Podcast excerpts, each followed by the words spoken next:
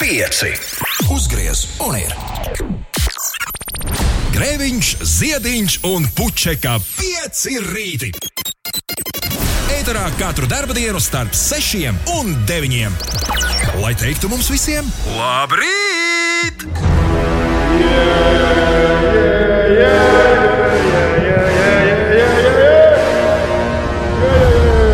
Labu rītu! Priekšpēdējo reizi jūlijā. Labrīt! Labrīt! Tiešām, jā? Nu, jā, À, kad ir pirmais? Oi, šonadēļ jau. svētdien, svētdien ir pirmais. Svētdien, pirmais. Mosties, mosties, mosties! Tavas aizdomas par to, ka Ines Čuči ir pamatotas, vai tās ir tikai aizdomas? Tās ir aizdomas. Es domāju, ka Ines brauc ar velosipēdu vai ar džeziņu vai nezinu ko. Šodien bija tumšā diena atkļūšanai uz radio, jo. Jā, tu gribēji ar taksi braukt, bet tu atbrauc ar savu mašīnu. Jā, tāpēc, ka nebija variantu. Bija vienīgais, kas bija, bija 15 minūtes, kurš atradās Šmikijā kaut kur. Un tad, tad bija viens, kurš brauc. Vai nu, vai nu viņi līdz rudenim tos takšus salabos, vai mēs iesim nezinu, pie takšu kooperatīvu stāvēt ar plakātiem. Šis jau paliek uh, nu, maz smieklīgi. Es gan neatceros, kā bija citas vasaras, vai nebija tikpat struntīgi. Bet visai, visai Latvijas sabiedrībai, sākot no vakardienas, ir jauns mīļākais sporta veids. Un, ja, ja, ja tu nezini, kā vakar jutās lielākā daļa Latvijas iedzīvotāju, tad man liekas, Ulas ir atradzis lielisku video, kurš to raksturo.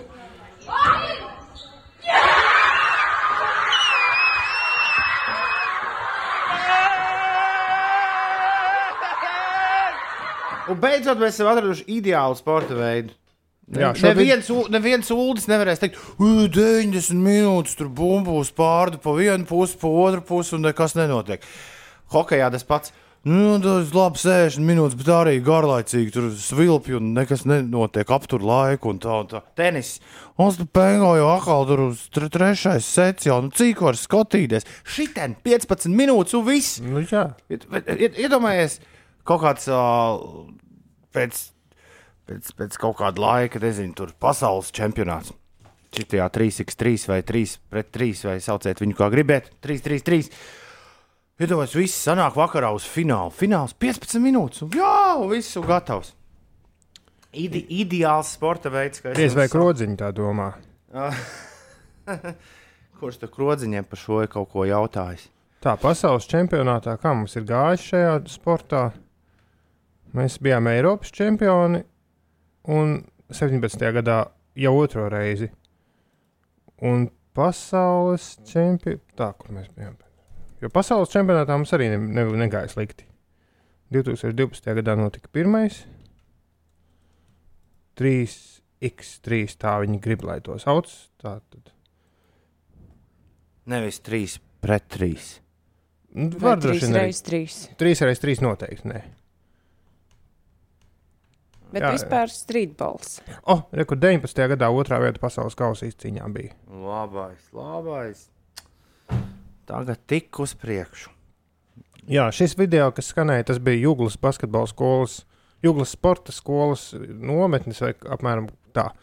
Zēni, kuri skatījās katru dienu šo sportu. Un forši, ka to video pārpublicējas arī lielais FIBA 3x3 konts ar tekstu, ka rekur daudz jaunu sporta veidu fani ir pateicoties olimpiskajiem čempioniem.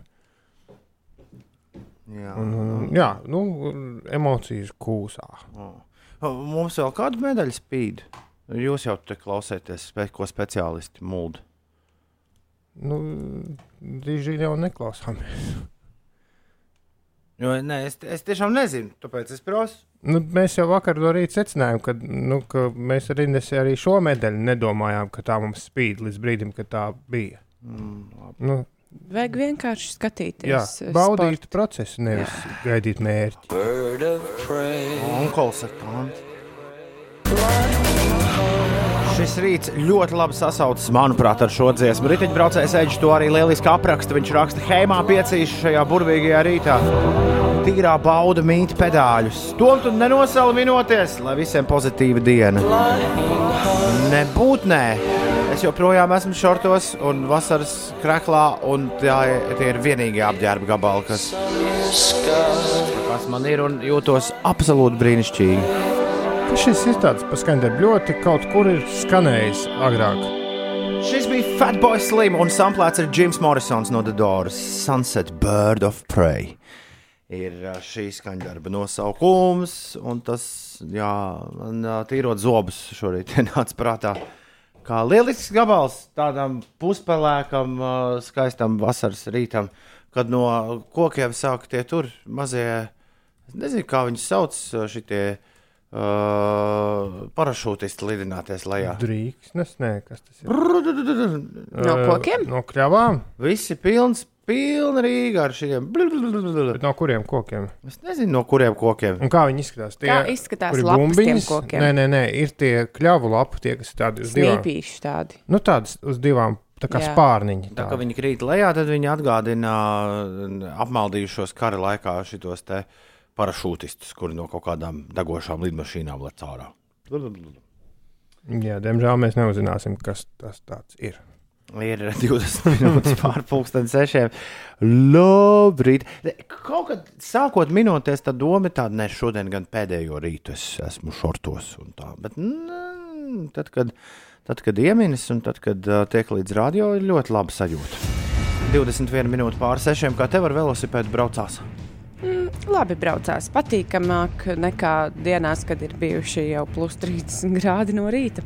Šodien Latvijā joprojām būs vasarīgi silts, saule ik pa laikam aizklās mākoņi, vietām tie atnesīs īslaicīgu lietu un iespējams arī pērkona negaisu ar krasām vēja brāzmām. Tā prognozē Latvijas vidus geoloģijas un meteoroloģijas centrs.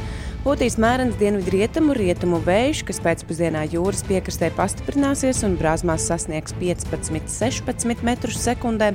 Gaiss iesils līdz plus 23, plus 26 grādiem, vietām austrumos līdz plus 27 grādiem. Rīgā dienā izritēs ar mainīgu mākoņu daudzumu, pievakarē gaidāms īslaicīgs lietus un pūtīs lēns līdz mērens dienvidu rietumu, rietumu vējš. Galvaspilsētā gaisa temperatūra sasniegs plus 27 grādu atzīmi. Par eh, sporta notikumiem īriju pārstāvošā latviešu airētāja Sanita Pušpura neiekļuva Tokijas Olimpisko spēļu A finālā, tādējādi cīnīsies B finālā, jeb par septīto vietu. Pirmajā pusfinālā 2000 metrus Pušpura airēja 7 minūtēs un 34,40 sekundēs, finišēdama 5. vietā starp sešām airētājām. Un Latvijas BMX riteņbraucēji Helvijas Babris un Vineta Petersona Tokijā debitējot Olimpiskajās spēlēs arī nepārvarēja ceturdaļfināla barjeru. Riteņbraucējs Edžers saka, Uld, ka tie ir liepziedi, kas krīt pilnā sparā. Es tev tikko rādīju liepziet, bet tu biji ļoti atsaucīgs uz kļavas uh, sēklu, kas izskatās tā kā korķu viļķu rokturis. Nē, bet laikam nav Ko? gan. Nu, kļavas. Šos, ši, tie ir tie, ko var uzlīmēt uz deguna. Jā, jā, Tas tā ne, šis ir kaut kas cits. Laikam. izskatās tā kā- tos snipīšus uz deguna kādreiz. Nu, bet tā kā, kurš bērnībā nav līmējis? Skaidrs. Mm, nezinu, man tā atbildi nepārliecināja, ja tu nezināji, ka tie ir kļavu tie tur. Nu, es taču nepētu, kas tur nokrīt uz zemes. Nu, liepziet izskatās šādi. Ar, un tad tur tāda lapiņa. Nē, nē, nē. Pa liepziedu tiem uh, Savā, paņem rītdienu līdzi. Rīt no rīta man ir jāatnes. Jā, jā, Jā. jāsavāc Būs- pa zemi. Uh, rītdien vācam herbāriju. Jā, bet par tiem uh, liepziedu, nu, tiem nokritušiem ziediņiem, tad, kad brauc ar velosipēdu, tad viņi tā sprakšķi mazliet Mm. mm. zem riteņa. Tad tie ir liepziedi. Redz, Viņi, viņi krīt ar visu to lapiņu kopā. Tās bumbiņas, tur tādas skariņas un tā lapa arī. Un tās bumbiņas sprakšķi. Tad jau drīz viss Rīga vienā tējā pārvērtīsies. Bet te jau sen vajadzēja vākt. Jā, tad, kad bija pilnos ziedos liepas, nevis jau ar bumbulīšiem. Mums bija plānots ar Rolandu spēlēt festivālā šajā nedēļas nogalē. Festivālu atcēlu. Oho, To, Kurš bija pie tā ezera kaut kur jā, tur. jā, tas, jā, tas, jā. Festivāls būs. Izrādījās, ka festivāls nebūs. Vispār man bija šo otrdienu plānots spēlēt ar grupu Regīna Rīgā kaut kādā super pasākumā. Un, man liekas, arī man, es netiku, jo bija to pasākumu pārcēlu, un uz šo datumu es netiku, jo man bija tas Maestro Paula koncerts. Un kaut kā es sāku domāt, ka tas arī nē, nu, nav atcelts. Netika, jo nu, nekādas informācijas par kaut kādu Rīgas pilsētvidē notiekošiem pasākumiem īsti nav. Man liekas, tu arī tur bija iesaistīts. Sakot, Nu, tas, kas bija tur, bija tur, tur un tur, tirgu. mm, man liekas, ka ie- nu, šobrīd ļoti slideni ir ar visiem pasākumiem, kuros laiž iekšā tikai ar certifikātiem. Bet noteikti tā klusā, ne ar tiem viss ir kārtībā. Ar tiem, kur ir tie jauktie, tie, man liekas, ir tie, kas atceļas. Jā, īstenībā ne, jā, jā, tas, kā tu saki, tā laikam arī ir. Jā. Bet uh, tagad ir tāda jauna mode, ne, nevis eh, ar lielu troksni atcelt, bet ļoti klusi organizēt. Līdz ar to tā atcelšana arī notiek tā. Neviens neko nepamanā. Jā, jā, jo. Vai tad mēs tā baigi stingri teicām, ka kaut kas būs? Ir 28 pār 6. Labrīt, Rīga, labrīt, Latvija, labrīt, pasaulē! Šeit pieci rītī! Apsveicu visus mūsējos ar medaļu, rakstīja Erģļivet. Un Ulu ar debiju Latvijas Rādio 1 bija fēni klausīties. Man pat ģimene teica, nu reku fēns čalis. Pat te ir ielīdis ar savu samtaino balsi. Kaut kā neizklausās pēc komplimenta. Kur tas uldis pat Kur šeit? vēl, ir? i- kur vēl ielīdīs? Es pulksteni 16. ieslēdzu radio. O, ar lielu prieku noklausījos tavu ievadu, kas bija Uzrakstīts, jā. uzrakstīts un varants. Un, ne, ne, ne, tā arī vajag. jā. Kam on, es uh, Eirovīzijā ar katru gadu rakstu ievadus. Jā, un tas īstenībā ļoti izglāba, jo Ines prasīja, vai bija uztraukums, bet tā kā pirmās trīs minūtes bija skaidrs, tad mm -hmm. jau pēc tam jau. ā, Jā, jā, jā. Es, tie, es tieši, tieši nodomāju, pilnīgi pareizi to es izdarīju. Un tad jūs sākāt runāt par to kaut ko tādu, ko es vispār nesapratu. Kas tas tāds ir? Paldies Dievam, ka pūkstens jau visai drīz rādīja laiku, ka bija jāsēžas pie televizora un jāskatās, kā, kā vīri trīs pret trīs to basketbolu spēlē. Jā, bija Mēs arī vairāk. skatījāmies. Nevis mēs, bet tu skatījies. Jā, bet bija ļoti grūti sadalīt uzmanību, Jā, protams. es ieslēdzu pašas beigas, tad, kad, varēju, kad bija iespējams, nu, tur kaut kāda dziesma bija vai kas. Bet uh, bija ļoti liels izaicinājums. Pirmkārt, pateikt, administratīva teritoriālā reforma tik daudz reizes, un dažas pat speciāli par daudz varbūt. Tad bija vides attīstība. Man bija uzrakstīts lieliem burtiem vides aizsardzības un reģionālās attīstības ministrs. Vides aizsardzības un reģionālās attīstības ministrs, administratīvā teritoriālā reforma, satversmes tiesa. Un tam visam pa virsmu vēl Arvils Ašarādens. Ines uh, Uldim bija daudz vanlaineru. Es dzirdēju vienu, kas man bija, kas bija brīnišķīgs. Tur runājies par novadu reformu, tur ar kaut kādu vīriņu. Un tu viņam atvainojies par vārdu spēli ar ministru uzvārdu. Nu, jā, jau à, par to, ka novada plešas plašāk. Pa, Tas, tas, man, tas man likās smalki un iespējams, absolūts jaunievedums Latvijas radio viens pārraidē. Ines, vai tu pamanīji vēl kādu uh, šādu? Nē, man liekas, ka es nepamanīju. Īstenībā tur aiz stikla reizēm eh, tā ētera laiks arī ir diezgan spraigs. Pagaid, jūs neesat vienā telpā. Nē.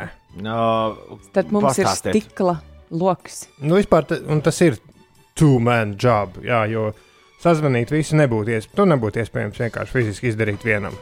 Tā kā Ines malacis, pirmkārt, bet nu, tu jau dari to, ko dari, un viss kārtībā. Bet, bet jā, to tiešām nevarētu paveikt viens.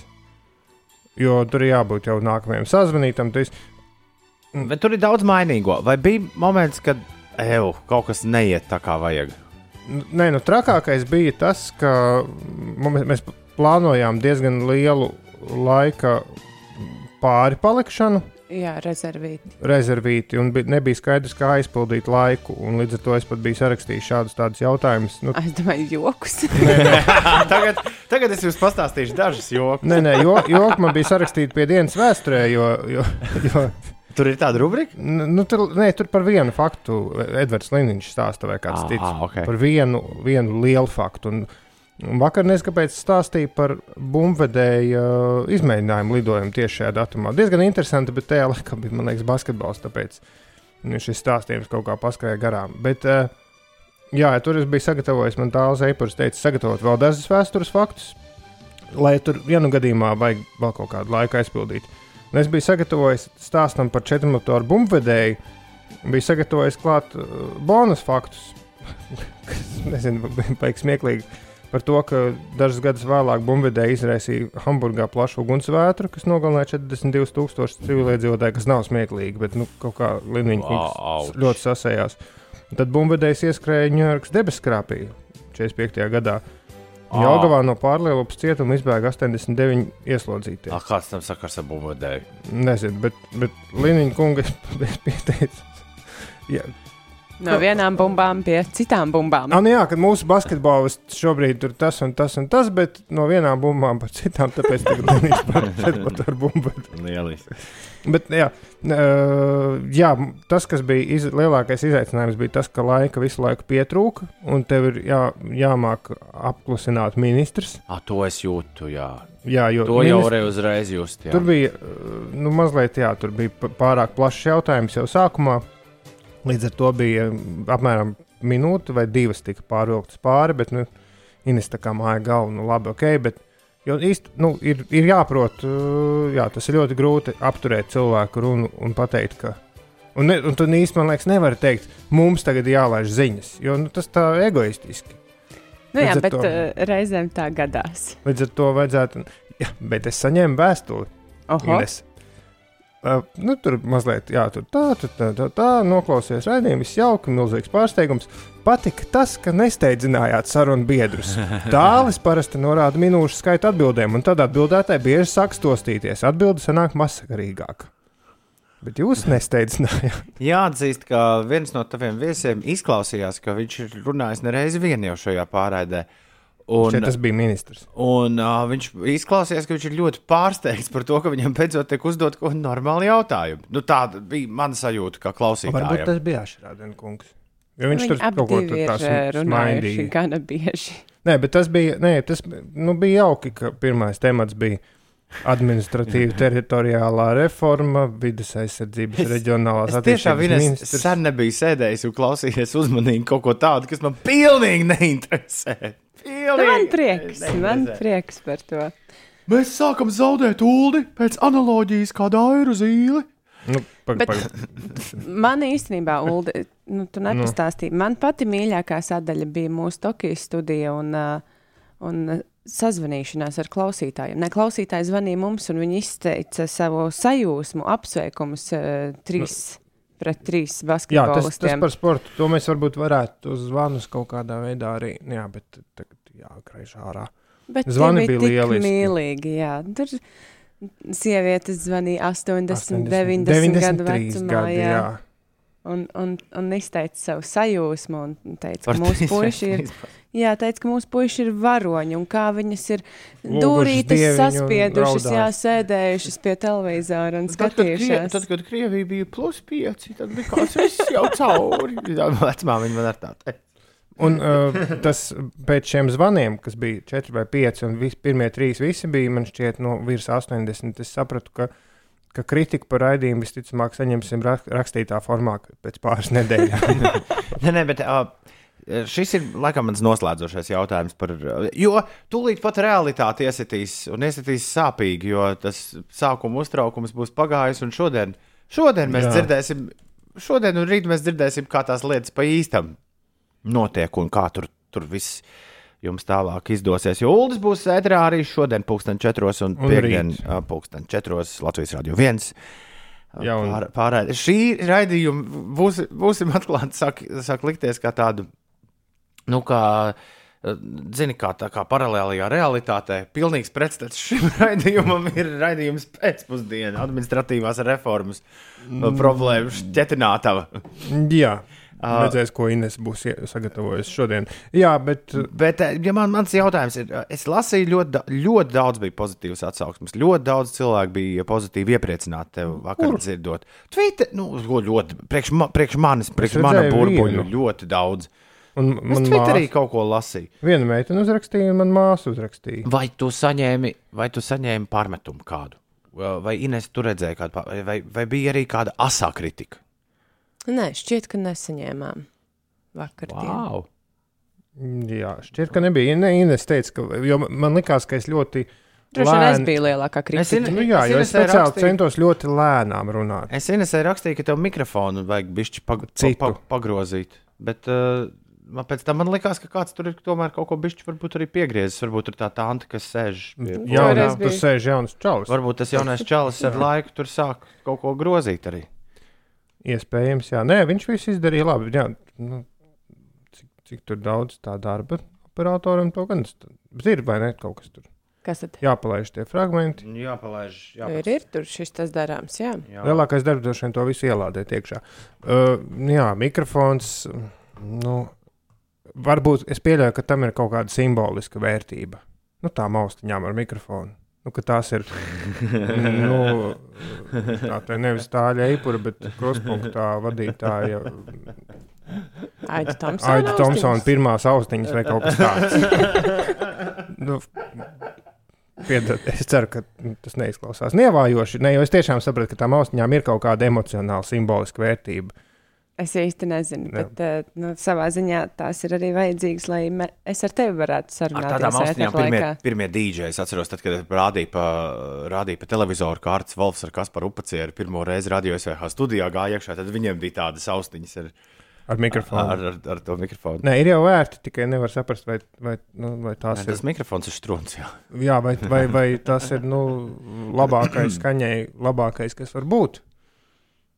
Jo izskatās tā aizdomīgi. Bet, bet es pieļauju, ka, nu, zin kā, nu nevar ieiet svešā mājā un sākt tagad kaut ko saimniekot. Nav skaidra lieta, skaidra lieta. Tā, kas tad tas Labrīt, es dzirdēju, Ulu pēc 17. raksta Siguldas Edgars. Bija Jā, ļoti profesionāli. Veselu čūpu anekdošu par armēņu radio. Paldies, nekas no tā nebija. Vai tu vienu mums izlasīsi? šķiet, ka- Bija ļoti profesionāla intervija ar labu attieksmi ar kaut kādu muzeju dāmu. Viss forši.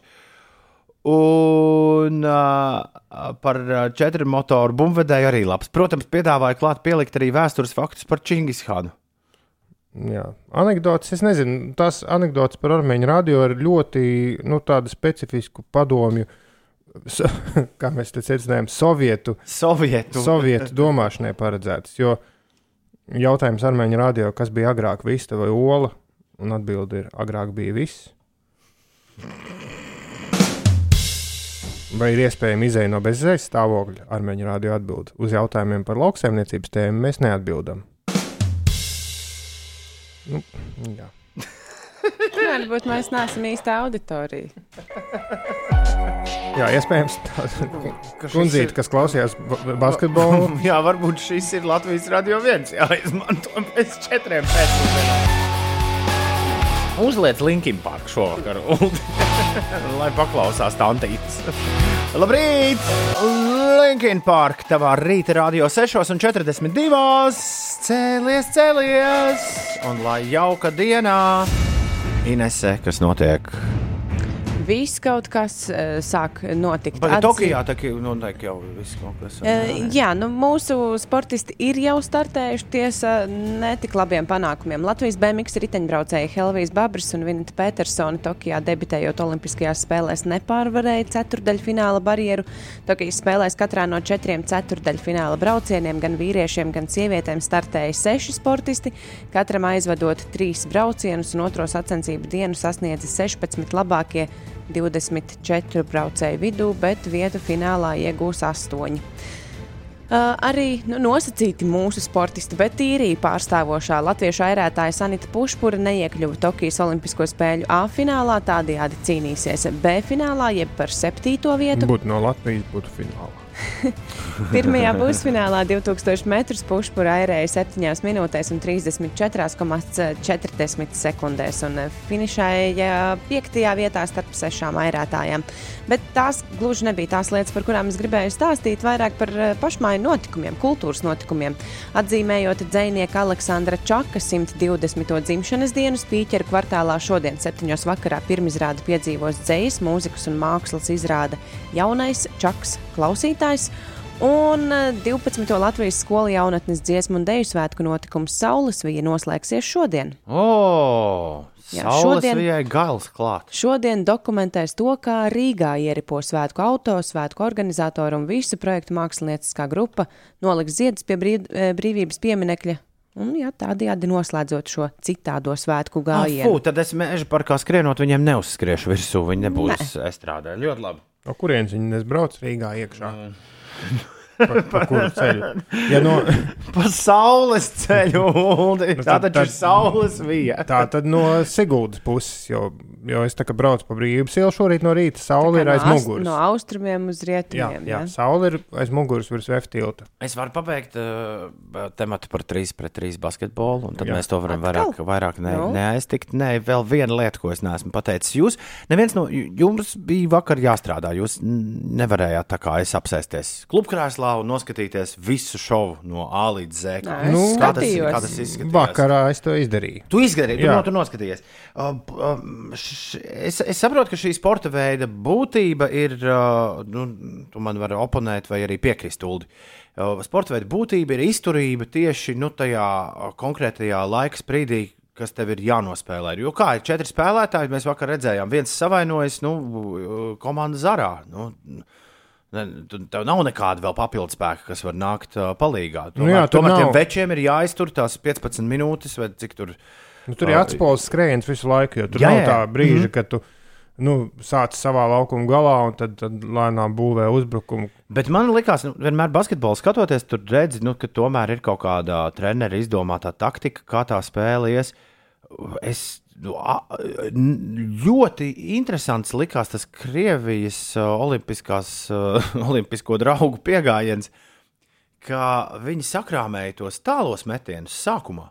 Un, man liekas, ka tas trīs pēc kārtas. Mm -hmm. Un pēc tam viņi nereizi vairs neriskēja to darīt. Nu. Tā kā viņi to mēģināja darīt, tad viņiem vienkārši bija tas pulkstenis beidzās, un viņi tur met vienkārši kaut, mm -hmm. kaut ko tur tajā virzienā. Bet tas likās interesanti, jo viņi principā nu, tā jau bija. Viņi ļoti spoži iesāka to spēli. Jā, tur un bija- tad mūsu iet to lēnām. Čing, čing, čing, čing, čing, čing, čing. Mūsu Visu sakārtoja.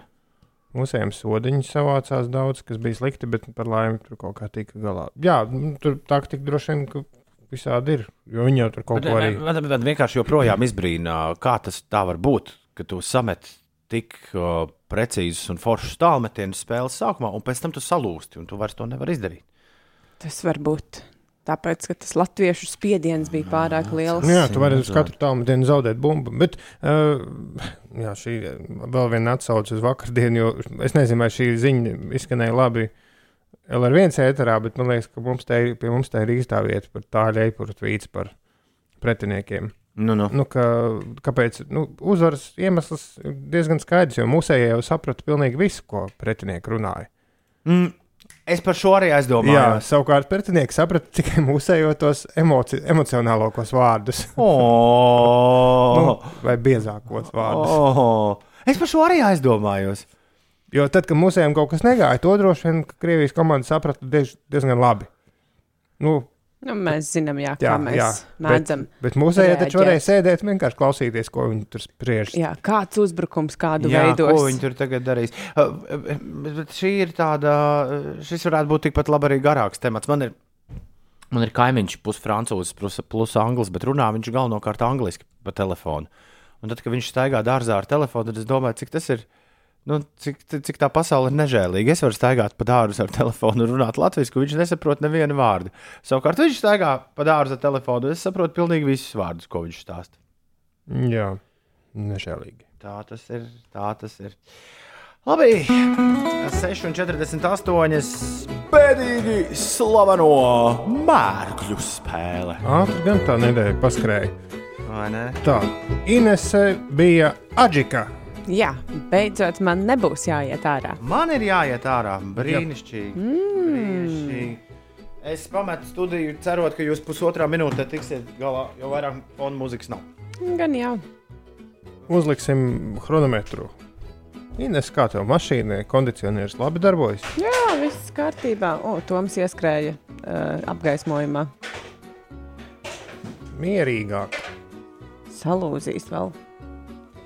Labi. Tā.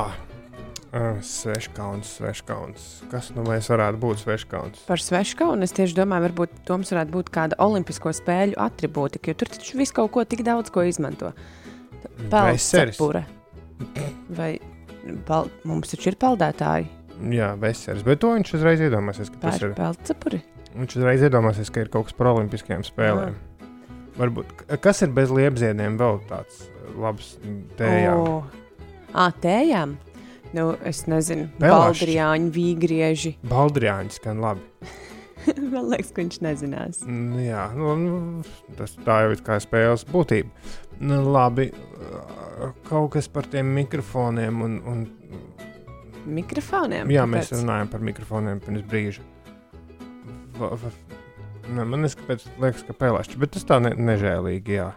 Jā, viņš tos noteikti par Tartu, par Igauniju, kas ir Igaunijā slavens. Mūnameģis varbūt. Paukotājiem. Igauņu paukotāji taču Olimpiskajās spēlēs dabūja Viņš zeltu. būs paukotājs. Vai kādu Špaga. Kas tas ir? Nu, tas ir, zobens. ir tas zobens. Paukotāji ar špagu, jā. Mums ir vēl 10 sekundes. Viņš var būt tas zobens. Jā. Vai kā, tas, kā sauc to cepuri? Nu, tu tagad parādīji, viņš skatās pa logu. Nē, viņš neredzēja. Ah, ņemam špagu, es tev uzrakstīšu, Labi, kā, kā labi. to vēl. Bet man liekas, ka špaga ir. Jau nepacietīgs klauvē pie durvīm. Minūte 37. Tā. Mēs, Ines, mēs runājām, es atvainojos. mēs runājām, vai ne? Jā, O, jā, es redzēju, izziņās mikrofonu švamīt. Es ceru, ka tam nav nekāds sakars ar.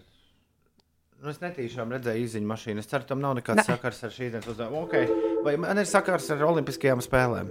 Apgājām lielu riņķi, Ines tā kā gribēja, lai ir sakars ar Olimpiskajām spēlēm. Un tad eh, es teicu, ka nē, bet tomēr beig beigās ir.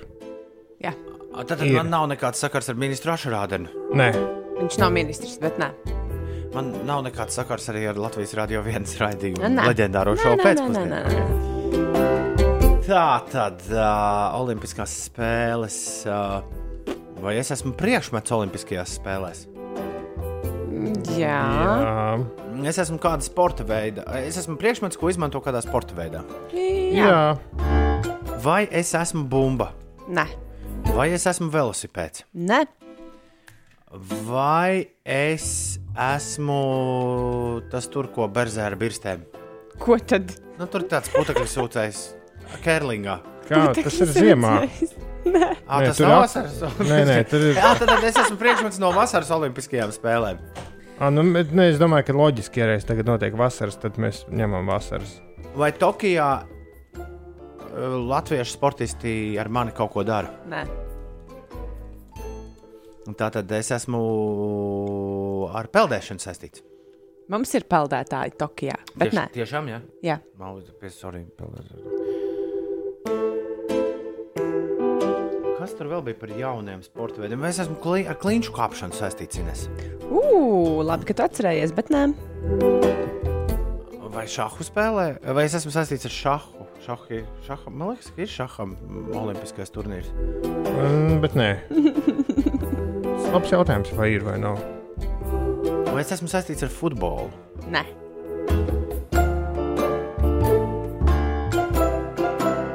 Sporta priekšmets. Vai es esmu tas zirgs, uz kura mākslas vingrotāji vingro?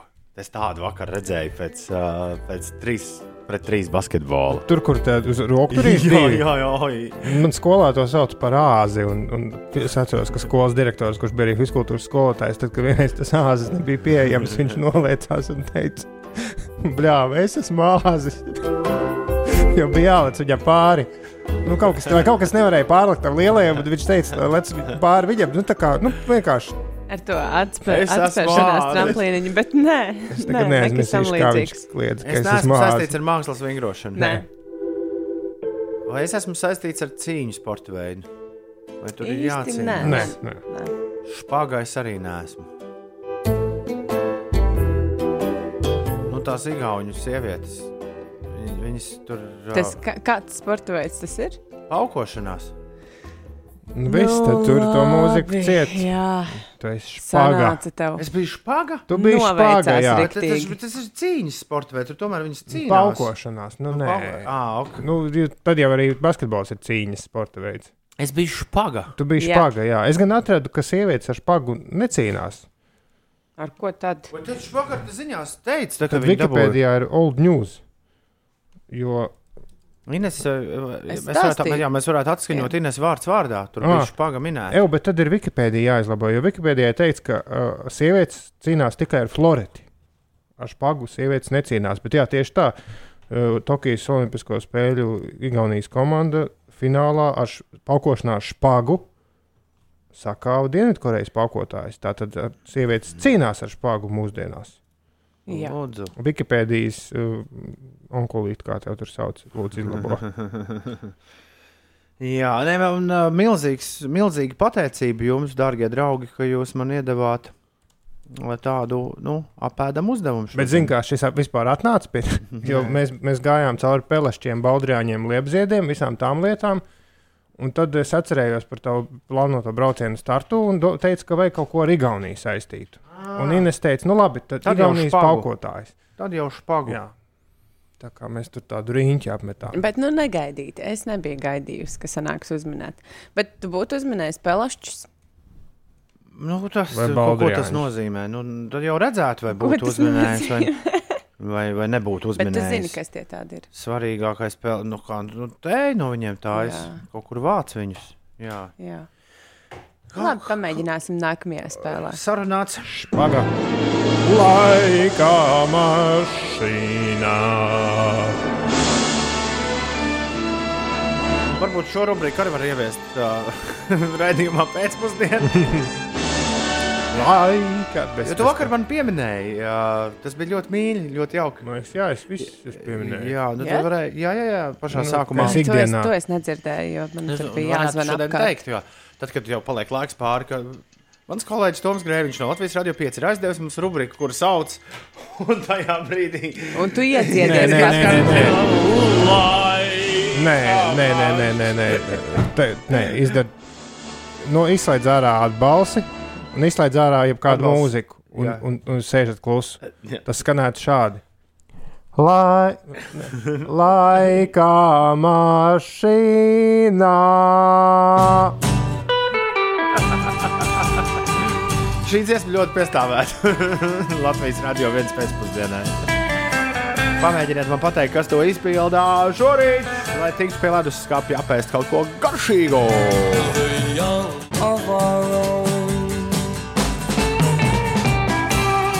Vidējo viļņu radiostacijas radio Merkurs Heavy Rotation šorīt laika mašīnā. Nezinu, tā radiostacija vēl ir gaisā vai nē. Šķiet, ka ir. Sen neesmu dzirdējis, bet es esmu pārsteigts, cik daudz klausītāju zina pareizo atbildi šī rīta laika mašīnā. Siguldas, Edgars, Demba, Aldis, un Sencīts Dainis un Aija dodas visi pie uh, silas, nē, pie ledus skāpja. Apēst kaut ko garšīgu. Vai jūs zināt, kas tas, kas tas bija, kas dziedāja? Es diemžēl nezinu. Nē. Džerijs un elektrokardiostimulators. Džerija and the pacemakers. Nope, tas bija Cliffs Richards un The Miracles. Olu, tu zināt? Jā, Un Par, Ai. par to mēs varam parunāt bišķi pēc ziņām, bet tagad ir septiņi no rīta. Pieci rīti. Inese brauks uz kalniem. No, nē, pagaidi. Par Tu 16 te eiro. Nestāsti visiem Nopērc- lietas. Nopērts biļeti un tad, tad domā. Nu, pats ziņās teica, ka laidīs iekšā apvienotajā karalistē no pirmdienas cilvēkus, kas ir sapotējušies. Ines apskatās, cik maksā biļete tur, kur viņai jānokļūst. Un biļete maksā lētāk nekā no Rīgas uz Liepāju. Mēs nu pat ā, apskatījāmies. Jā, Izklausās, ka tev būs jauks. Nu, nezinu, nezinu, nezinu. Tad ļoti jāizdomā. Jo es jau biju sākusi domāt visādas lietas tepat Latvijā. Ko darīt? Nu, ko, nu kādas tad? Nu, man tur viens pārgājiens padomā, tad vēl šādas tādas lietas jāsakārto. Ko es jau tu, pukojos par to Cliffa Richardsu.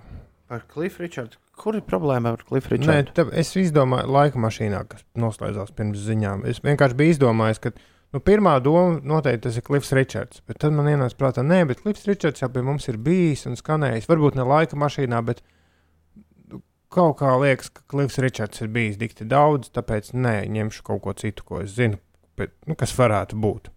Un man liekas, and the Pacemaker ir smieklīgs nosaukums, jo pacemaker ir elektrokardiostimulators.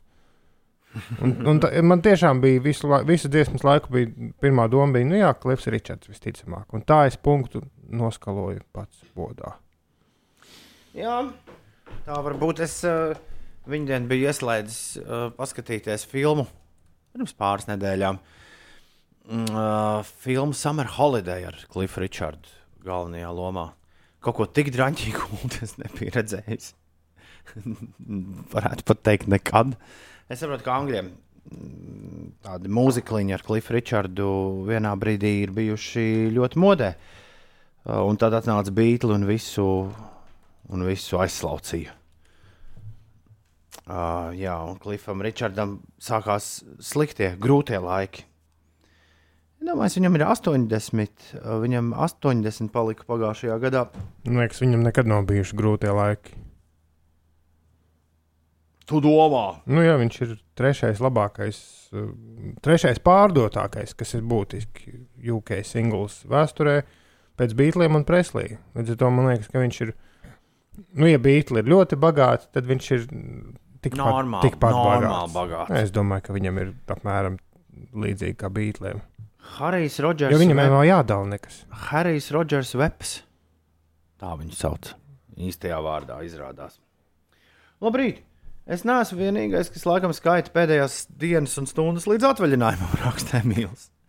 Es nezinu, kas tur ar to skaitīšanu, bet doma par to, ka nākamā nedēļa varēs necelties pulksten puspiecos no rīta, nesāks tur skanēt modinātājs, šī doma mani dara ļoti laimīgu.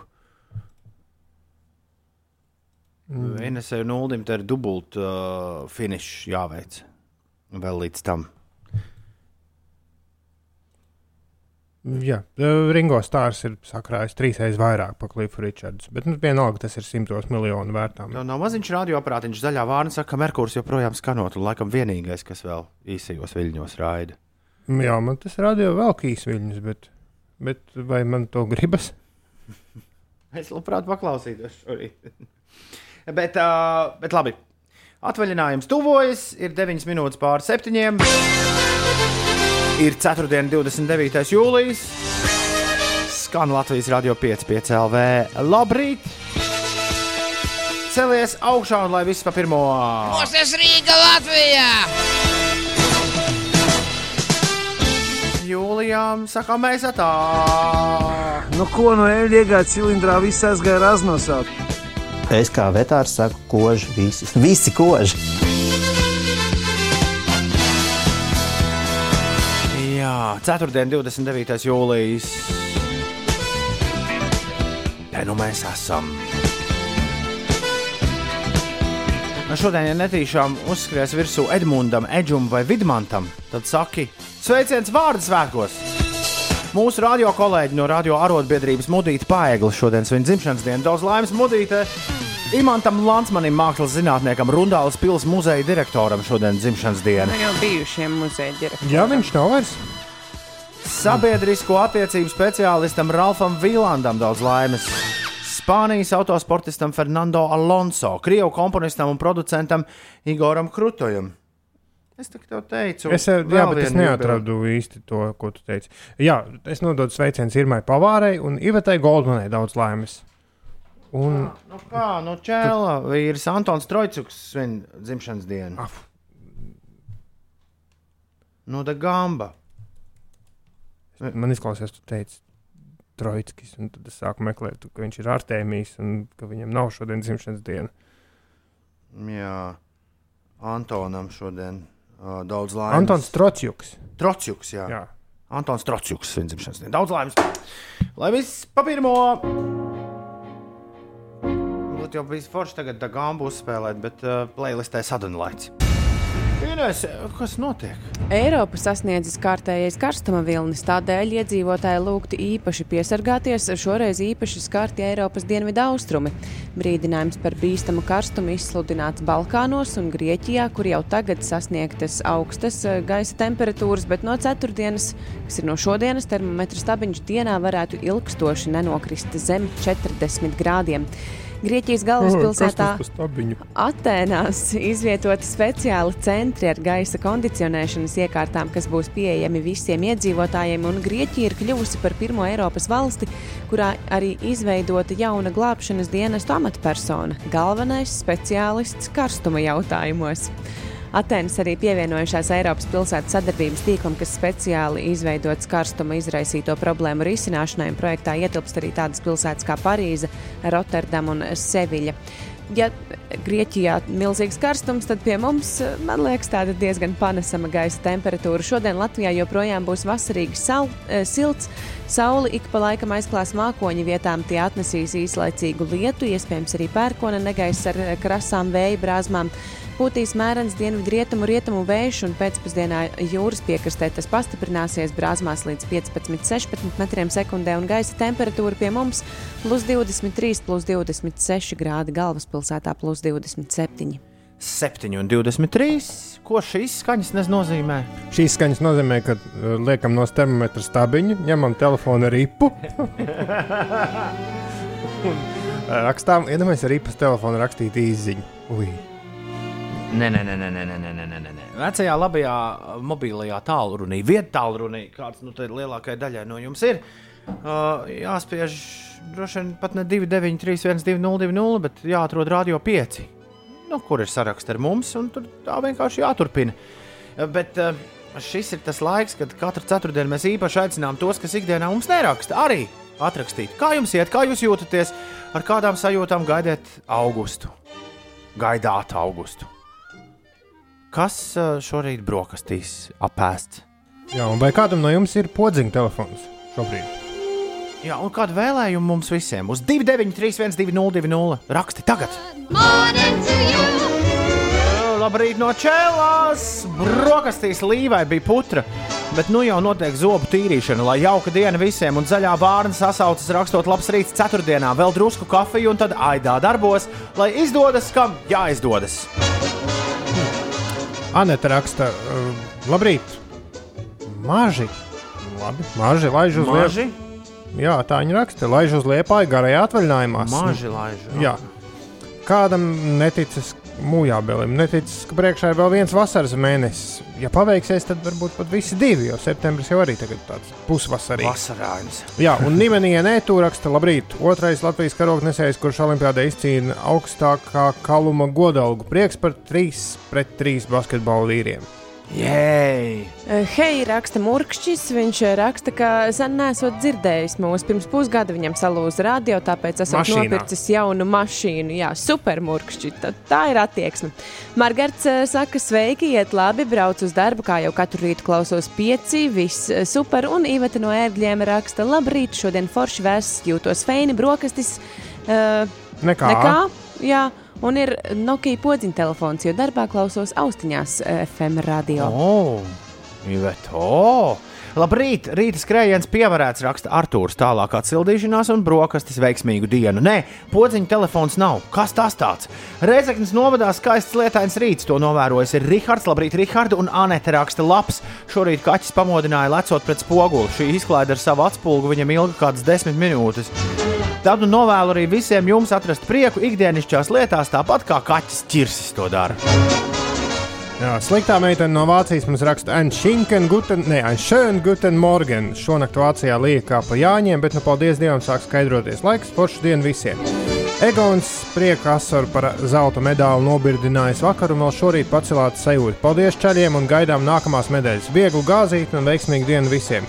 Un Vadeks saka, šorīt nedaudz veiklāk rīts sācies. Esmu atbraucis uz darba vietu, man ir jauns šmamšmungu vietā un es nu ļoti patstāvīgs aparāts. Ko tik kabatā esot pats tur nesadara.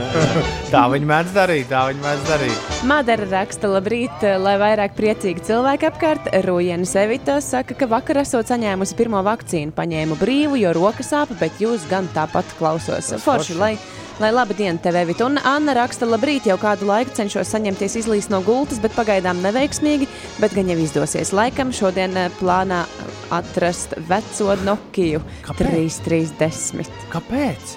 Uh, diplomāts raksta, labrīt, jau septiņos ienāca darbā un darbojos mājās, kafijas automāts remontā.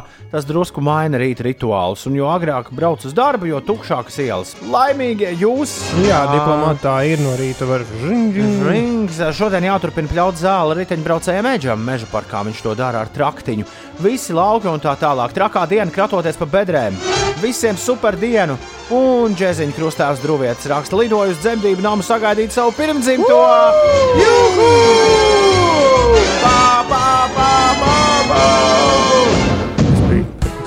Ko? Es biju izdomājis pēc dzemdību nama, nu tādu bezsakaru joku, tā kā tajos TV raidījumos, kuros iznes cauri cilvēks bez jēgas. Iet klāt pie cilvēkiem, kam ir mašīna ar ziliem baloniem un prasīt, kas tad ir meitenīte, puika. Tumšs joks. Nu, pēc dzemdību nama, kur tie baloni ir. Nu. Latvijā tikmēr smidzina lietus, Mikus raksta. Brokastīs ēsts nekas nav, bet jau ceļā uz darbu. Pa ceļam remontu luksafors beidzot ir iespēja uzrakstīt ziņu stāvot. Ar ko arī Miku tevi apsveicam. Ir 29 pār 7. Paldies visiem par sasaukšanos. Šeit Latvijas radio 5,5 LV. Un šie ir inhaleri.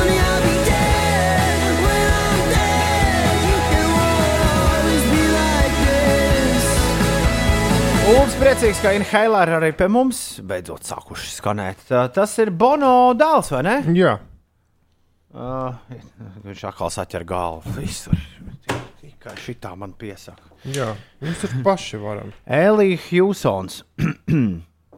Tas ir viņš, un basists man arī izklausās aizdomīgs, jo basists sauc Roberts Kītings. Hmm. Nu, Vai viņam ir kāds sakars ar Ronanu Kītingu, to es nezinu. Bet aizdomīgi. Džošs Džekinsons un Rājans Makmahons, kur vēl arī šajā grupā piedalās, tie īsti tādas aizdomas nerada. Bet, uh, bet Hjūsons un Kītings abi divi kopā. Tas gan izklausās interesanti. Uh, labrīt visiem piecīšiem, kas modušies. Prieks, ka mēs esam tik daudz raksta baiba, lai forša dieniņa. Augustā visiem maniem cilvēkiem ir ģimenes raksta diplomāts. Bankrots un prieks vienlaicīgi. Izturību, izturību diplomāti. Taksists Dīdzis arī ir modies. Viņš atkal ir Rīgas ielās, ēdu cītīgi pašu audzētos tomātus. Viens stāsts ir Olda, Olda, Ulda, Ulda dotajā podā. Man ir atveramais podziņu telefons, ar ko mēs tevi arī taksistu apsveicam. Bet tā, man liekas, ir taksistu uh, stēle. Man, man šķiet, ka jums, mums vismaz cilvēkiem, kas nav taksisti, mums šķiet, ka jums ir kādi trīs telefoni vismaz.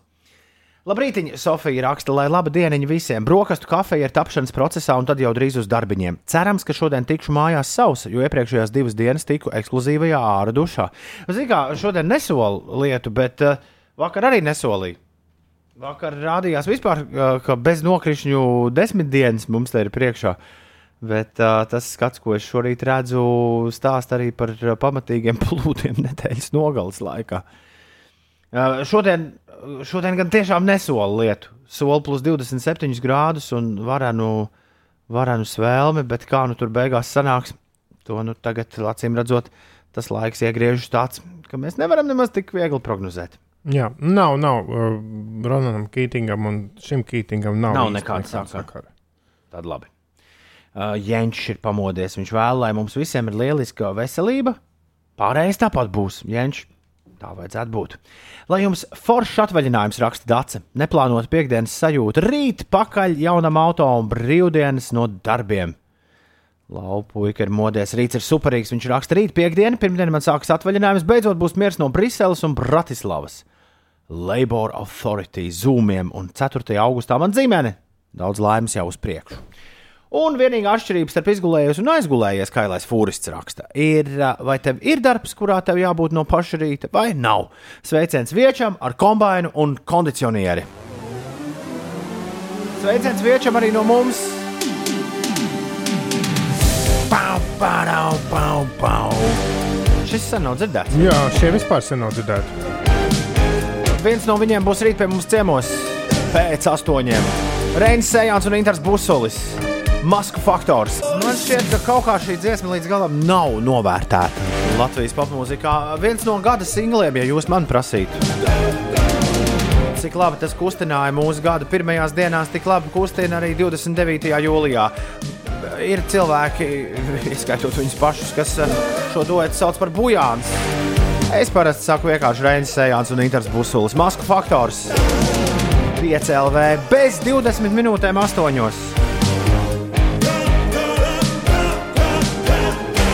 Ja jūs runājat par podziņu telefoniem, tad jāķers pie klasiku klasikas Nokia 3310 telefona. Raksta Anna.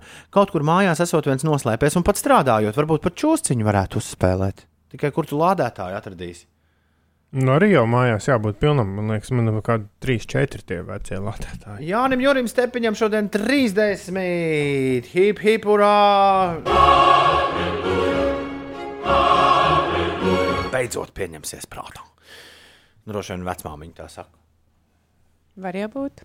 Labrīt, ādu zemenes ar putukrējumu, lai visiem salda silta diena. Ugh, cik forši sācies rīts.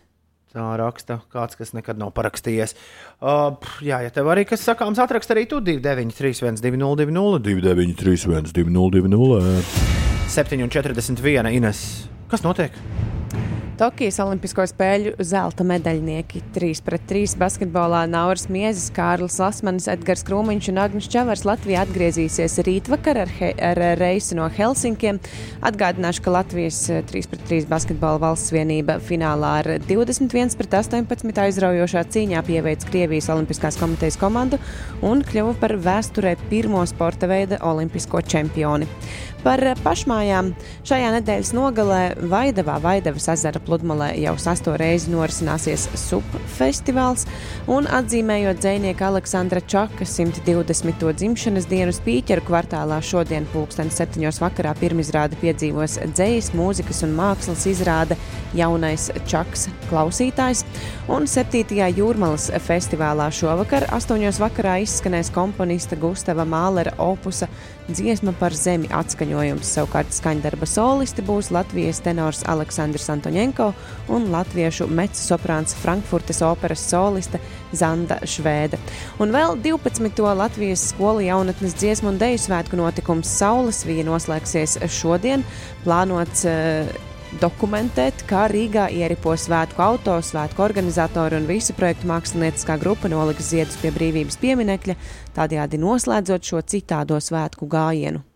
Ulu, tu pārtrāpījies bērnībā streetbola festivālos, tā kā iela bija cieta un tur Jā, spēlēja Sigūda čaļi. bija bieži. Uh, Rīgā, Rīgā bija tāda liela un episka pie Vērmanas dārza, kur spēlēja puikas streetball. Es ceru, ka šis viss atgriezīsies. Nu, tagad, uh, pēc šī olimpiskā panākuma. Jo skaidri lieta, ka jābūt. Es domāju, ka BMX uh, riteņbraucēji Valmieras pusē pēc Stromberga medaļām bija stipri vairāk nekā, nekā pirms tam. Jā, nu cerēsim. Basketbols varētu būt lētāks nekā hokejs. Domāju, tā ka jā. Stipri. Droši vien arī lētāks kā futbols. Nav, nu, nav jātrenējas tur kritienos. Kas? Nu, futbolā. Mums tur rakstīja futbola čempionāta laikā, ka puikām jau mācot desmit gadu vecumā, kā nokrist soda laukumā. To Dārts. māksliniecisko pusi, Nu, jā. sporta veida. Nu, jā. jā. Kāpēc 3 pret 3 basītī nekāpā NBA zvaigznes? Ingūns jau kuro dienu mums šito prasa. Šo es nesaprotu. Bet es saprotu, ka tur pilnīgi cits, uh, pilnīgi cita. Tur taču ir arī doma. parastais basketbols. Luka Dončičs tur ved savu valsts vienību pretī olimpiskajām medaļām. Nu, Tiem basketbolistiem ir. Cits sports. Jā. Tieši tā un ne savādāk. Okay. Tagad, dāmas un kungi, būs Tomēr Biksēs! labas rītas, Bigšainie! Valmiera arī pirms Stromberga bija BMX galvaspilsēta. Nu, Tā gan bija. Bija, bija, bija, bija. bija. Lai jau būtu, lai jau būtu. Sanda, peace and love, peace and love. Nu, ko? Ap, es. Nu, tur jau nav nekāda cita varianta. Kamēr Jēziņš sēž stadionā, Jēziņš jāspēlē arī Toms Biksēs. Es pagājušā ceturtdienā Ines skrienot, uzliku vienu no saviem mīļākajiem Kanye West albumiem ar domu, ka es sagatavošos, sagatavošos brīdim, kad Donda, ja? tā viņa sauc. Jā, Donda. Tiešām tāds bija nosaukums. Jocīgi. Uh, jā, es, es domāju, nu, sagatavošos, un rīt tad nu gan mums būs jaunais uh, Jēziņa albums. Un Jēziņš man tāpat kā ikvienu savu fanu pišķi piečakarēja. Bet uh, vakar es dzirdēju jaunumus, ka Kanija West gaidot uh, Dreika jaunā albuma iznākšanu, lai varētu izlaist savu albumu ar to vienā dienā, jo viņiem šobrīd kaut kāds beefs esot savā starpā. Mm. nu, tā kā bērni. Uh, bet, bet par, es šo neesmu pētījis, un es par to neko nezinu. Bet jā, uh, Kanija West graduation bija plata, kur uh, uztrāpīja uz mana virtuālā skaņu plašu atskaņotāju, kamēr es skrēju pagājušajā, pagājušajā ceturtdienā. Un uh, mēs neesam miljonus gadus šajā pārēdē dzirdējuši. Good morning! Aiziet šorīt! Tom Biksēs! Kanye West! Izrādās, Eltons Džons tur skan. Uh, jā, tā laika īziņā mūzikā ir vienmēr interesanti pētīt, ko viņš ir uh, tur sasamplējis. Jo viņš ar to arī ienāca mūzikā un kļuva, kļuva atpazīstams. Gal, galvenokārt džēzī taisot uh, beidus un pavadījumus. Viņš bija tas džeks, kurš pavadīja neskaitāmas stundas skaņu plašu veikalos, lai atrastu kaut ko, ko tālāk atkal no jauna izmantot uh, hip hopā. Uh, tā teikt, uh, tā teikt, lai. Arī mūzikā ieviestu second hand jēdzienu, lai nav visu laiku jāraksta jauna mūzika. Bet ko viņš tieši no šī ir paņēmis? Tad, nu, iepriekš dzirdētajai dziesmai to nemācēšu atbildēt.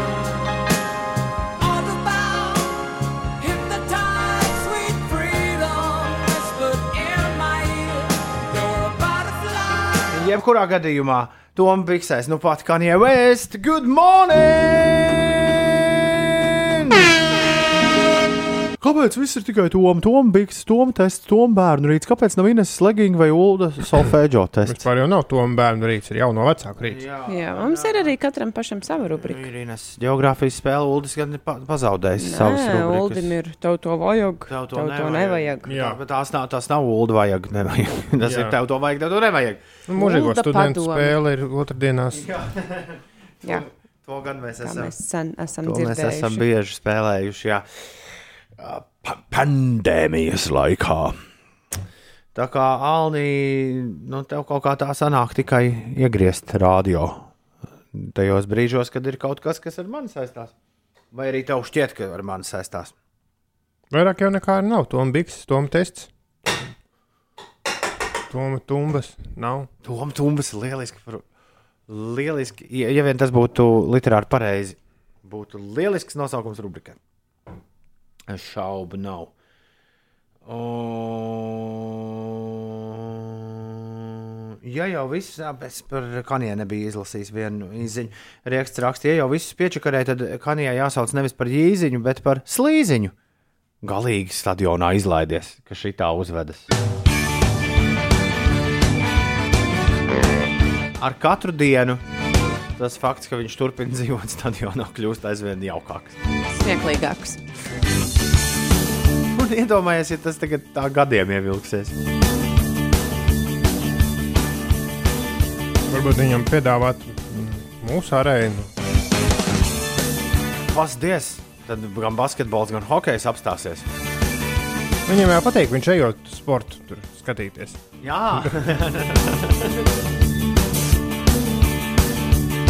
tur tomēr viņam, man liekas, tāds saprotamāks sports. Bija soccer spēle. Ah, pareizi, tas ir soccer stadium. Nu, dīvaini tas viss, jā. Ceturtdien, 29. jūlijas 2021. gads. Tavā radioprātā skan Latvijas radio 5, 5 LV. Es esmu Toms Grēviņš, Rekords Rūdas Ziediņš, Ines. Pu, Ines Puča. Jā, labrīt. Arī jau tā kā tādā rudenīgā džemperītī saģērbusies ar Likās, ka būs vēsi, jā. jā. Bet tā silta diena mums ir priekšā, un to apstiprinās arī lielās ziņas. Tagad. Šeit pieci rītī. Nu, kā sviežas? Ko? Bengi nav gaisa un nāk miegs līdz ar to. Ines gandrīz sabruka. Jā, es, es jau Jā, manīju. knapi turos. Tā ir. Ēst arī gribas. Mums Kafija nav iedzerta. Jā, un mums kondicionieris jau kuro nedēļu. Tad, mm, Niķojas. Niķu, nē, man, un, un atvērtais lokus noteikti nepalīdz, bet, ja logs tur cieta, tad arī īsti gaisa. tad ir traki. Jā. Un tag, ar atvērto logu viņš cīnās tādu, nu, nu viņa tā kā virvi velk. Nu, īsti ne, ne no loga jēga, ne no tā kondicioniera. Ir vēsāk. Vismaz es tā jūtu. Varbūt kādam ir informācija, kas deg Maskavas ielā pie pagrieziena uz Krustpils ielu. Ja gadījumā Oho. ir, tad padodiet mums ziņu 293, 202, Maskavas ielā pie pagrieziena uz Krustpils ielu kaut kas deg. Līgai nepietiek ar to, ka deg. Gribas zināt, nu tā ir normāla cilvēka Ķīmisko sastāvu. Ziņkārība, jā, mājiņa deg, mašīna deg, vai kas tur deg? Cerēsim, ka deg bez, um, Bez, bez, bez letālām sakām. Tie ir labi degi pasties. Kur, kur tu to ieslēdz? Webkamerā ieslēdz mm. LSM, nobrauc uz pašu leju, tur ir tiešais kameras, izvēlēs. Ah, mums taču bija pat links uztaisīts e-punkts uz TV. Tornis TV. Tā punkts e-punkts e uz slīpsvītra Tornis TV, jo TV tornis bija aizņemts.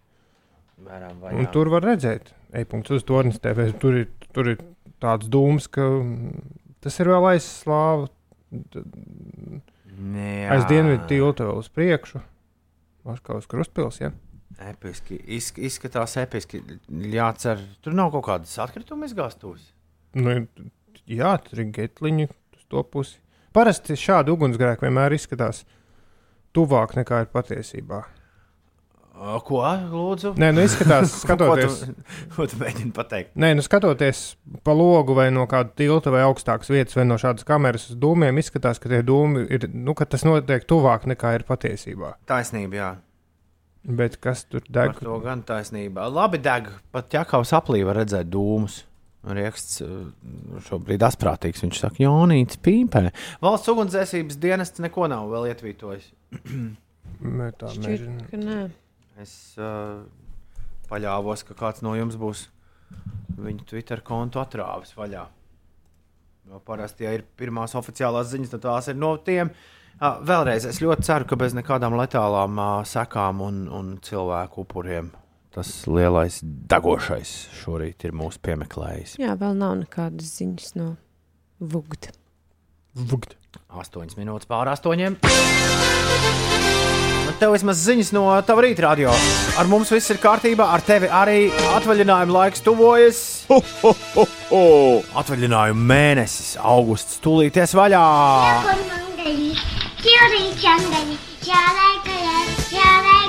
Nedaudz vairāk uzlīs, bet varēs, varēs, varēs pažārēt normāli gaļu, neuztraucoties par to, ka rīt atkal ar priekšnieku tā tur sapulce.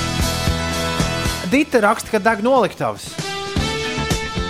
Tās jaunās, ko tur nav, ne, jā, tas ir šajā pusē. Edmunds, Edžus un Vidmans šodien, 4. un 29. jūlijā, atzīmē vārdu svētkus. Sveiciens jums, dārgie draugi! Mudītai paeglē mūsu radio kolēģei no radio arotbiedrības daudz laimes dzimšanas dienā. Uh, Mākslas zinātniekam, bijušajam Rundāles pilsētas muzeja direktoram Imantam Lansmanim ir dzimšanas diena, sabiedrisko attiecību, speciālistam Ralfam Vīlandam daudz laimes. No tā gamba Antons Trocjuks, viņa dzimšanas diena, Spānijas autosportists Fernando Alonso un Igors Krutojs, uh, viens no krūtākajiem ceļiem Krievijas šovbiznesā, svin dzimšanas dienu.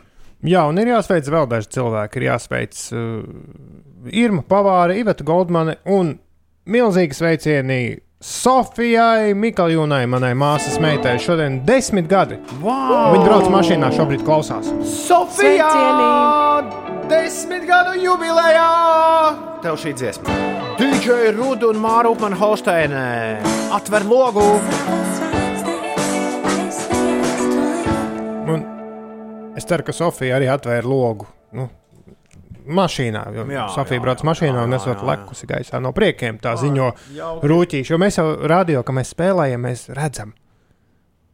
Nu, Tur ne pa to mazo atverīti, kas ir domāta diskiem. Jā, mēs iekšā nemul, sēžam. nemuldies. Piektdien vakarā atceries, ko tu teici, skatoties uz ļaužiem, kurus skatījās mums virsū, kad mēs Nu, Mēs neredzam radio. visus, bet mēs zinām, ka Sofija dzimšanas dienā mēs Nu, varam Sofiju mēs ieslēgties redzam. tajā jā. radioaparātiņā un paskatīties, kā Sofija lec gaisā no priekiem. Tā, nu tā, jā, bet visus tos, kurus šobrīd mūs dzird un ko viņi dara, to gan mēs neredzam. Nav mums tāds liels displejs, kurā katrs no jums maziņā, maziņā, maziņā, maziņā kvadrātiņā būtu attēlots. Iedomājieties, tāds te būtu. Būtu forši. Ja nesasāc no sākuma. Vēlreiz stāstīt visu. Ja? Jā, Uh, Es varu jā, pastāstīt Tokijas Olimpisko spēļu zelta medaļnieki 3x3 basketbolā Nauris Miezis, Kārlis Lasmanis, Edgars Krūmiņš un Agnis Čavars. Latvijā atgriezīsies rīt vakarā ar reisu no Helsinkiem. Atgādināšu, ka Latvijas valsts uh, spēlētāji, 3x3 basketbolisti.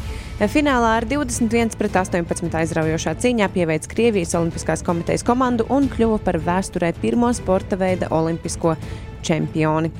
Latvijas šāvēja Agate Rašmane ieņem 28. vietu pēc pirmās dienas Tokijas Olimpisko spēļu sacensībām eh, šaušanā ar maskalibra pistoli 25 metru distancē. Eh, Rīt sportistes sacensties ātrā šaušanā un labākajām astoņām. Labākās astoņas iekļūs finālā. Rašmanai līdz pirmajam astoņniekam pagaidām pietrūkst eh, četri punkti, un eh, Rašmane jau svētdien izcīnīja 19. vietu šaušanā 10 metru distancē ar pneimatisko pistoli. Latvijas Nacionālā teātra izrādes jaunajā 103. sezonā klātienē varēs apmeklēt tikai pret covid-19 vakcinēti vai šo slimību pārslimojuši cilvēki. Tā intervijā Latvijas radio pastāstīja te teātra vadītājs Jānis Vimba. Un 7. jūrmālas festivālā šodien pulksten 8. vakarā izskanēs komponista Gustava Mālera opusa dziesma par zemi atskaņojums. Uh, 8,21. Jā, un es ieliku Twitterī jautājumu privāti gan par to uh, ugunsgrēku, kas redzams uh, LTV webkamerā ļoti labi. Esot, kāds pat atsūtīja bildi, tas uh, Maskavas krustpils ielas krustojumā angārs, kas atrodas angārā, nav zināms, iespējams, servis. Bet tas, kāpēc es tā uztraucos, man tur nedaudz riepas glabājas ziemenes. Ui. Bet eh, pēc bildes izskatās, ka tas nav mans. Tas ir stipri tuvāk, tuvāk centram, tā kā Daugovas pusē no Maskavas ielas. Vugdi joprojām klusē. Vūgti joprojām Nu, klusē. Jā, Viņiem ir nevis jāatdzēš, nevis jāatvītota. jāatvīto. Jā, tā kā policija rakstīja, ja jums ir kaut kas steidzams, tad zvaniet, nevis rakstiet Twitterī. Nu, labi, labi, labi, labi, labi. 8,22. Hi, Latvia. I'm Moss Wolf, and you're listening to Radio Pieci. Mēšs Wolfs. Tagad. Čau! Au! Huh, Astronaut in the Ocean Masked Wolf. Kas ir? Ko? Ka, uh, visa dzeltenā presa pilda ir ar to ziņu. Eh, Jā, un Tā es, jau bija vakar. es tikko, jā, un es to arī izbrāķēju interesantām ziņām. Nē, nu, Aštons Kačers, aktieris un Mila Kunis, uh, a- Aktrise. aktrise un Nemazgā bērnus. Nemazgā bērns. Ārprāts, Fui. ārprāts, ārprāts. Fui.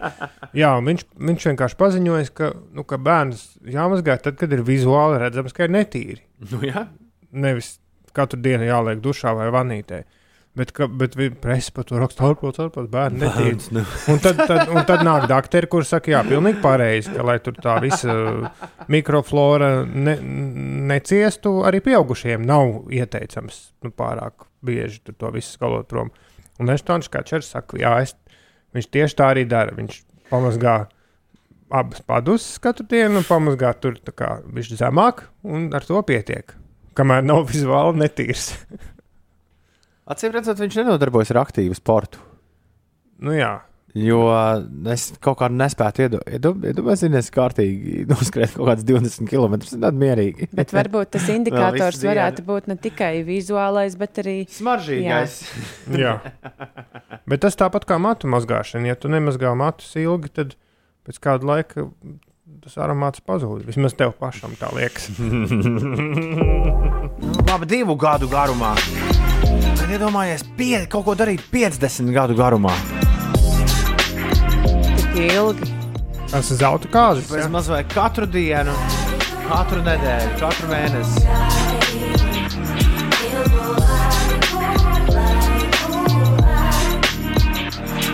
Ar tādu saucērīgu smaidu tieši šādas pārdomas man nāk prātā. Lasot šorīt uh, vēlreiz un vēlreiz ziņu par to, ka viens no trijiem zīzītopu vīriem, Dustīs Hills, 72 gadu vecumā, vakar ir devies, devies uh, prom no šīs pasaules.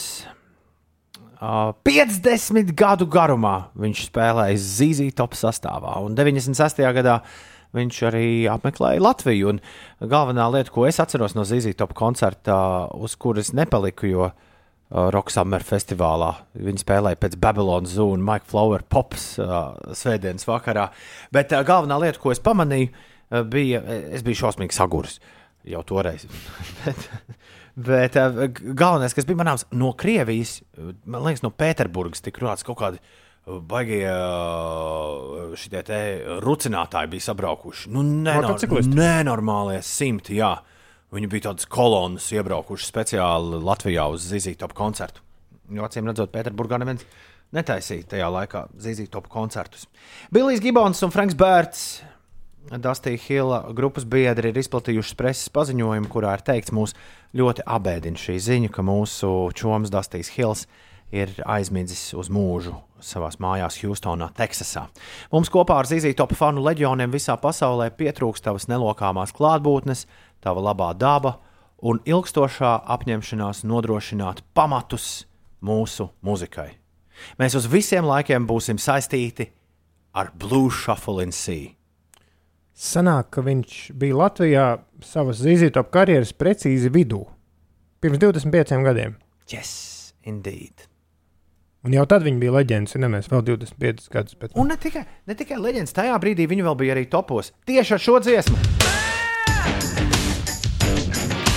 Pieminot Dusty Hillu, Zīzīto un Pinkcushion. Šis man atgādināja, ka pirms pāris gadiem es gribēju nopirkt uh, piecu plašu, viņiem tādu jubilejas sējumu, ko sauc Going 50. Būs tas jāizdara, jo tūdaļ droši vien cēnā aizaugs debesīs. Zīzīto Pinkcushion. Sakot uh, visu labu. Sakot visu labu. Vienam no vīriem ar bārdām, jo bez bārdas ir tas vīrs, kuram uzvārds ir bārda. Jā, Dustijam Hillam. Uh, atvadoties no Dustija Hill, šis bija Pinkcushion Zīzītop. Un, uh, jā, vakardiena, līdzīgi kā Emīls uh, piemin, vakardiena diezgan melna mūzikas pasaulē. Metāla grupas Slipknot dibinātājs Bunzinieks Džojs Jordisons ir arī pametis šo pasauli 46 gadu vecumā. Jauns. Nu, jā, viņam čalim bija 50 gadu karjera. Lai skan duality, lai skan duality.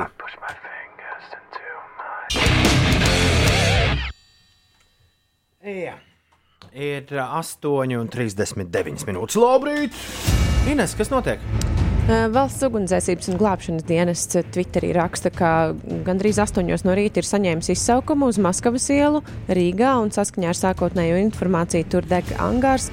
Uh, Ugunsdzēsības un glābšanas dienesta darbinieki strādā notikuma vietā, un viņi arī ziņo, ka tiks ierobežota šeit arī satiksme. Uh, Sīkāk informācija gan nesniedz tieši, kuras ielas, kurās ielās būs satiksme traucēta saistībā ar uh, šo te situācija, kas ir izvērtusies. Par laikapstākļiem šodien, šodien Latvijā joprojām būs vasarīgs silts, saule ik pa laikam aizklās mākoņi, kas vietām atnesīs īslaicīgu lietu. Iespējams, arī pērkona negaiss ar krasām vēja brāzmām pūtīs mērens dienvidu rietumu vējš, bet pēcpusdienā jūras piekrastē tas pastiprināsies brāzmās līdz 15-16 metriem sekundē. Gaiss šodien iesils līdz plus 23, plus 26 grādiem vietām austrumos līdz plus 27 grādiem. Arī galvaspilsētā diena aizritēs ar mainīgu mākoņu daudzumu. Pievakarē gaidāms īslaicīgs lietus, pūtīs lēns, meiš, eh, lēns vējš un eh, gaiss iesils līdz plus 27 grādiem. Mazliet par satiksmi galvaspilsētas ielās Melncila ielā šobrīd ir jārēķinās ar 7 minūšu kavēšanos. Tāda pati situācija Jūrmālas gatvē un A7 posms Kroksils balāžu pagrieziens. Tur arī 7 minūtes jāpierēķina ceļam klāt. Un mums raksta, ka Maskavas iela abos virzienos stāv pie notikuma vietas, jābrauc pāri šļūtenēm, tāpēc labāk esot apbraukt. Tas jāņem vērā visiem, kuriem kaut kur tur jābrauc. Kā bija mēns lēša? Mēns lēš. Ļoti labs arī repera vārds būtu mēms. Šeit mēms, mēns lēš. Ozols un Frusaks. Ozols, Prusaks. Ei! Ozols un Rusaks. Vairs nepienāk neviena īziņa. Ines, nu pat tās tā iztaipījās šīs dziesmas pavadījumā, ka pilnīgi izskatījās kā kādā Hārlemes klubā tu laistos de dejā. Es mēdzu no rītiem staipīties, jo tāda mazliet neizgulēta Viss sajūta. tik labi, viss tik labi. Lielnās Eks jaunais hits ar Džeku Hārlovu kopā Industry Baby. 8,48 minūtēs šo dziesmu nu pat dzirdējām. Un uh, rīktīgi satraucies ir uh, Eģiņš, kurš saka, vai jūs saprotat, ko tas fleks īsti nozīmē? Paskaidrojiet, jo nu, es šo dziesmu vispār nesaprotu. Pirms tam bija Ozols un Prusaks. Lielais fleks. Dziesma ir par uh, to, kā reperi bauda dzīvi un uh, cik viegli viņiem viss notiek. Flex tā tad ir nu, tāda kā izrādīšanās, vai ne? Nu, pat ne izrādīšanās, bet Fleks ir tad, kad viss ir viegli, viss ir mierīgi. Viņš jau par to dzied, ka kur ir palicis lielais fleks, viss sipo tikai stress. Nu, Fle- ka, bet- bet ka fleks neviens vairs ne, neplūst pa dzīvi. Nu, tā, ui, ui, nu, tas, nezinu, Man kā liekas, to- ka tas ir vienkārši foršs vārds, ko izmanto cilvēki. Nu, Fleksēt ir tā kā nu, mierīgi plūst. Tā, nu, es man ne- tas tik un tā slīdēt. visu laiku asociēsies ar uh, instrumentu. Labrīt, lūdzu, nododiet sveicienus manai vidējai meitiņai, Artai Kairai, 8. dzimšanas dienā, lai vairāk smaida un priecājas, lai visu uztver ar vieglām emocijām. Tētis ar brālīti, māma, lielā māsa un abas omas tevi, Arta Kairas sveic dzimšanas dienā.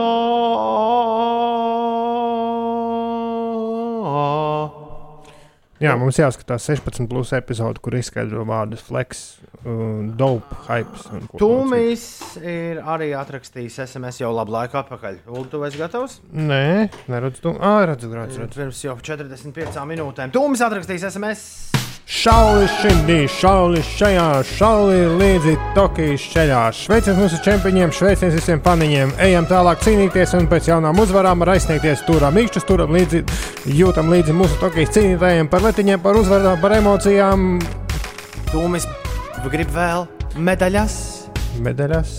Un viņam nepietiek ar vienu. Dodiet tumim zelta medaļu katru dienu. Kāpēc šis izklausās pēc Rīgas modēm? Katru dienu. Oh, yeah! Labi, interesantās ziņas. Nu jā, fleksēt ir blatot, izrādīties. Nu, rādīt, Nu, cik tā- tev ir daudz. Nu, nu, jā, bet tā jau viņi. Tas jau tajā brīdī viņi jūtas. Uh, Nu, bet tas nav tā mierīgi. Tas ir show off. Interesantās ziņas. Ines, kā tev iet ar makšķerēšanu? Vai neesi kādreiz aizrāvusies? Kādreiz bērnībā pabraukāju tētim līdzi. Nu, Likās kā tāda kārtīga tēva meita. Uh, uh, Forelis arī es ķēru uz kailām rokām. Nē, nē.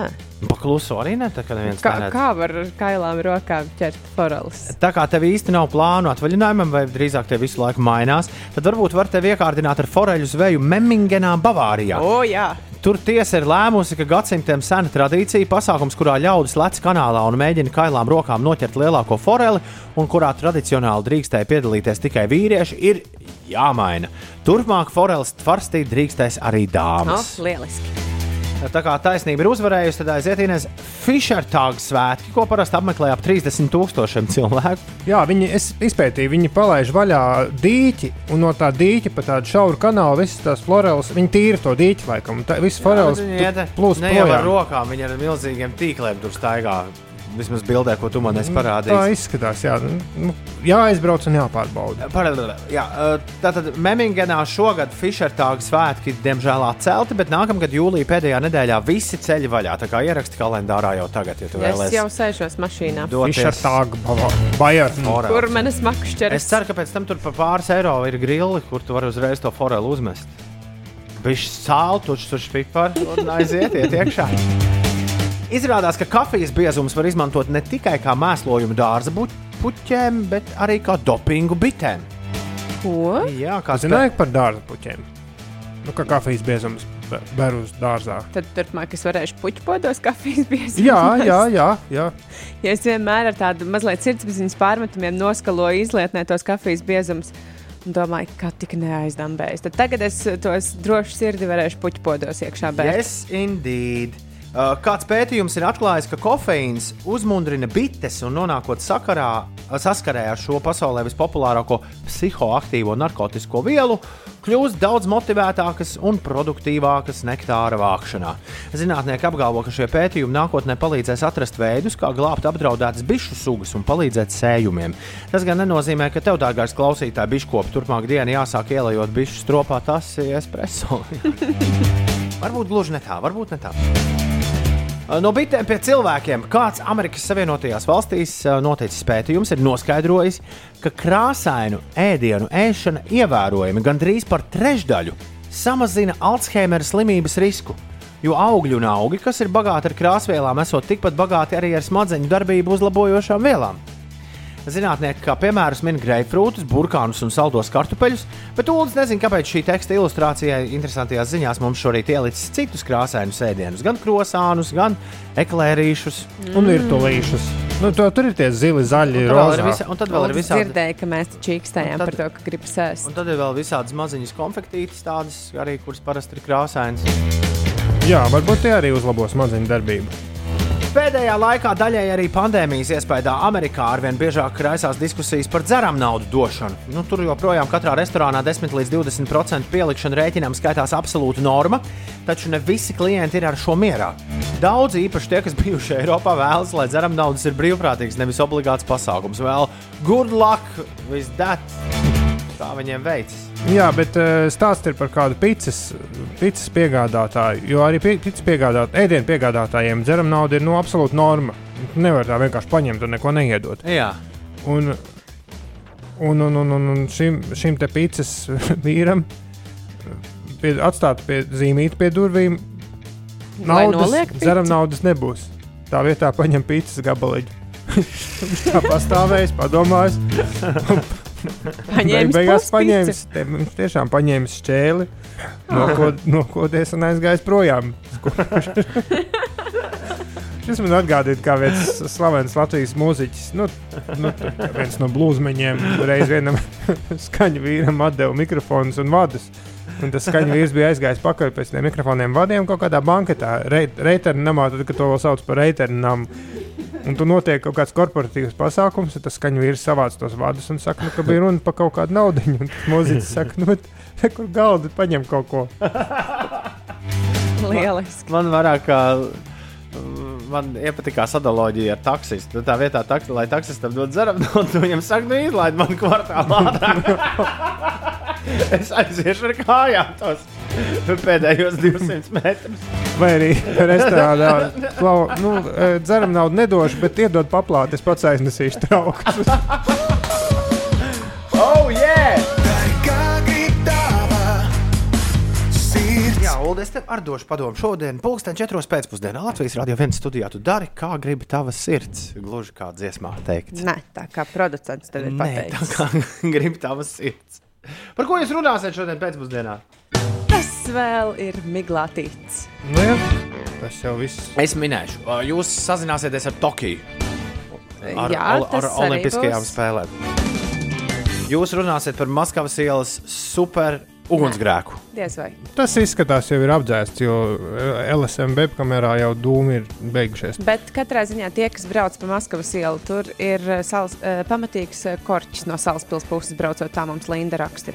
Es izaicu, Koka paletes izskatās, ka tur bija. Ah, es izaicu, kur tagad nebūs hipsteriem, kur sēdēt vasarā.